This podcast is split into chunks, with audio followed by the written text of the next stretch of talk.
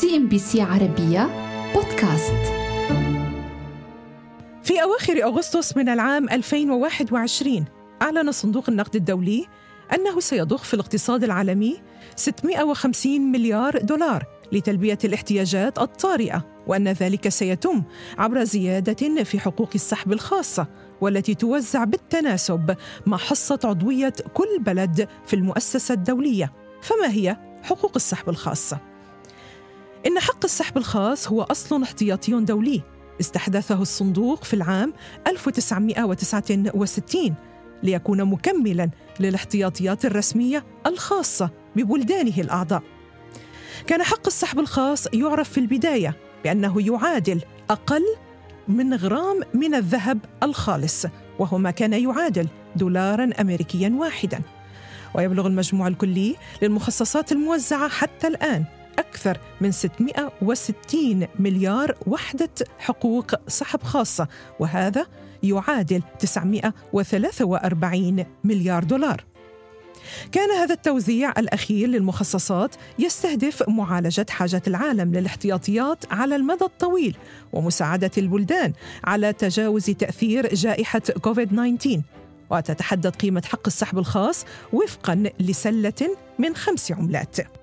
كما وتتم مراجعة مكونات سلة حقوق السحب الخاصة كل خمس سنوات أو أقل إذا كان هناك ما يستدعي ذلك للتأكد من كونها انعكاسا صحيحا للأهمية النسبية للعملات في النظامين التجاري والمالي حول العالم. يعني ذلك أن ما ستحصل عليه الدول مرتبط بوزنها السياسي والاقتصادي الذي يمثله نصيب حصتها. كمثال على ذلك فإن حق السحب من حصة دولة كالولايات المتحدة يتجاوز السبعة عشر فاصل أربعة بينما جمهورية الكونغو فإن حق السحب يقتصر على صفر فاصل اثنين من حصتها كعضو في الصندوق وعليه يفترض بالدول الأعضاء في صندوق النقد الدولي أن تكون مخولة بالحصول على ما يتم تسميته بحقوق السحب الخاصة أي ال SDRs ولكن وفي ذات الوقت تجب الإشارة إلى أنه بإمكان المؤسسة الدولية إضافة قروض يتم منحها للدول التي تطلب المساعدة وأن تلك القروض يجب سدادها مع فائدة. ولشرح ما هي طبيعة حقوق السحب الخاصة التي ليست بأموال أي أنها لا يمكن حملها أو تحويلها أو تبادلها وهي محددة بسلة من العملات التي تحوي الدولار الأمريكي واليورو واليوان الصيني وكذلك الين الياباني والجنيه الاسترليني. لكن يمكن مبادلتها بواحدة من هذه العملات أو أكثر من خلال البنوك المركزية. بهذا المعنى تصبح حقوق السحب ديونا لكن ليس اتجاه صندوق النقد الدولي بل باتجاه المؤسسات التي سيتم التبادل معها أي أن حقوق السحب ليست بمنحة. بكلام مختصر الدولة التي لا تمتلك احتياطيات كافية بعملة أجنبية صعبة أو أكثر تكفي لسداد دينها العام الخارجي لواحد أو أكثر من دائنيها ستكون قادرة على استخدام كل أو جزء من حقوق السحب الخاصة المخصصة لسداد تلك الديون. لكن كيف تتم آلية التوزيع؟ لنعد إلى رقم 650 مليار دولار والذي تم إعلانه في العام الماضي لتلبية الاحتياجات الطارئة. فأن حصة البلدان النامية التي يبلغ عددها 135 هي 275 مليار دولار.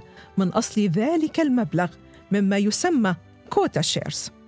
أي بالكاد هذه الحصة تصل إلى حدود الأربعين في المئة. بينما ستتلقى الدول الخمس وخمسين الثرية مبلغا مقداره 375 مليار دولار. علاوة على ذلك هناك فجوة كبيرة بمستويات الدخل بين الطرفين. فالبلدان منخفضة الدخل والفقيرة والتي يبلغ تعداد سكانها ما يتجاوز السبعمائة مليون إنسان. ستتلقى أقل من 21 مليار دولار وهذه المبالغ زهيدة مقارنة بحاجتها ل 450 مليار دولار لمساعدة اقتصاداتها على مدى السنوات الخمس المقبلة وذلك وفقا لبيانات صندوق النقد الدولي. إذا يمثل مبلغ ال 275 مليار دولار والذي ستتلقاه البلدان النامية أقل من 8% من ديونها العامة الخارجية وفقط 25% من أقساط ديونها الخارجية ما بين 2020 و 2022 يقودنا ذلك إلى الاتفاقيات التي كان يديرها صندوق النقد بين الدول الثرية والنامية إما لتمويل عجوزاتها المالية أو بغرض الإنفاق على مشاريع واتفاقيات يعود مردودها بشكل رئيسي للدول الغنية أو بمعنى آخر للمقرضين من تلك الدول أو للشركات العابرة للقارات التي تقوم بمشاريع في تلك البلدان. حيث يتم تخصيص 25% من موارد البلدان النامية لسداد ديونها الخارجية وليس لإنفاقها على الرعاية الصحية أو حتى تحسين مستويات التعليم وهي من الحاجات الضرورية التي تتطلبها تلك البلدان.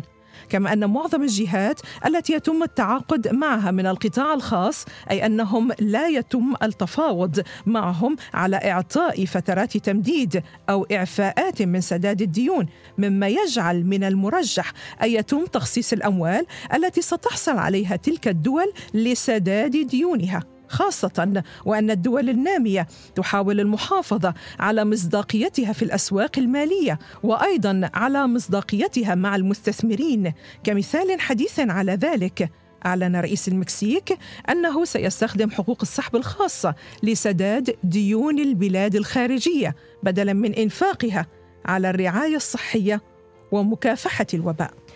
وهذا يقودنا إلى موضوع الاقتراض والتصنيف الائتماني فالدول منخفضة الدخل تواجه عقبة رئيسية عندما تريد الاقتراض وهي جودة التصنيف حيث يقود التصنيف الأدنى إلى رفع تكاليف الاقتراض وزيادة شروطه صعوبة.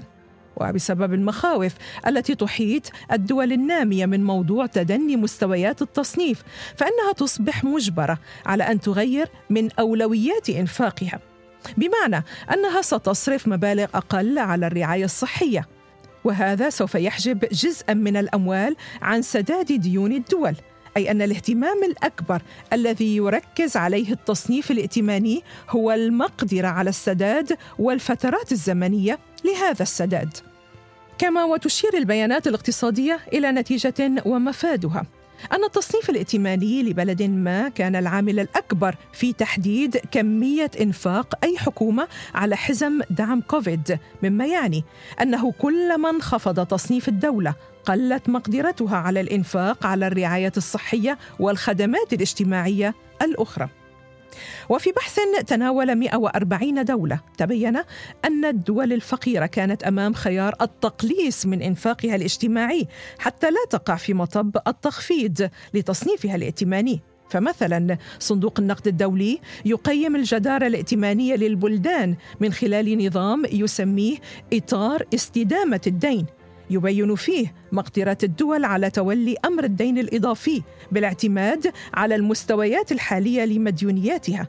لكن تبين في ذلك التقرير أنه لا توجد هناك تفريقات ما بين الديون التي جاءت كنتيجة للاستثمارات الهامة طويلة الأجل في الخدمات الاجتماعية مثل الصحة والتعليم وما بين الديون التي تراكمت بسبب الهدر في الإنفاق. اذا الدول مطالبة من قبل الصندوق بتحسين تصنيفها كشرط لحصولها على المساعدة ولكي تفعل ذلك عليها اللجوء لخفض الإنفاق الشامل والاكتفاء بالأهداف الاقتصادية قصيرة المدى كي تتمكن من سداد دفعات الديون في مواعيدها. CNBC عربية بودكاست.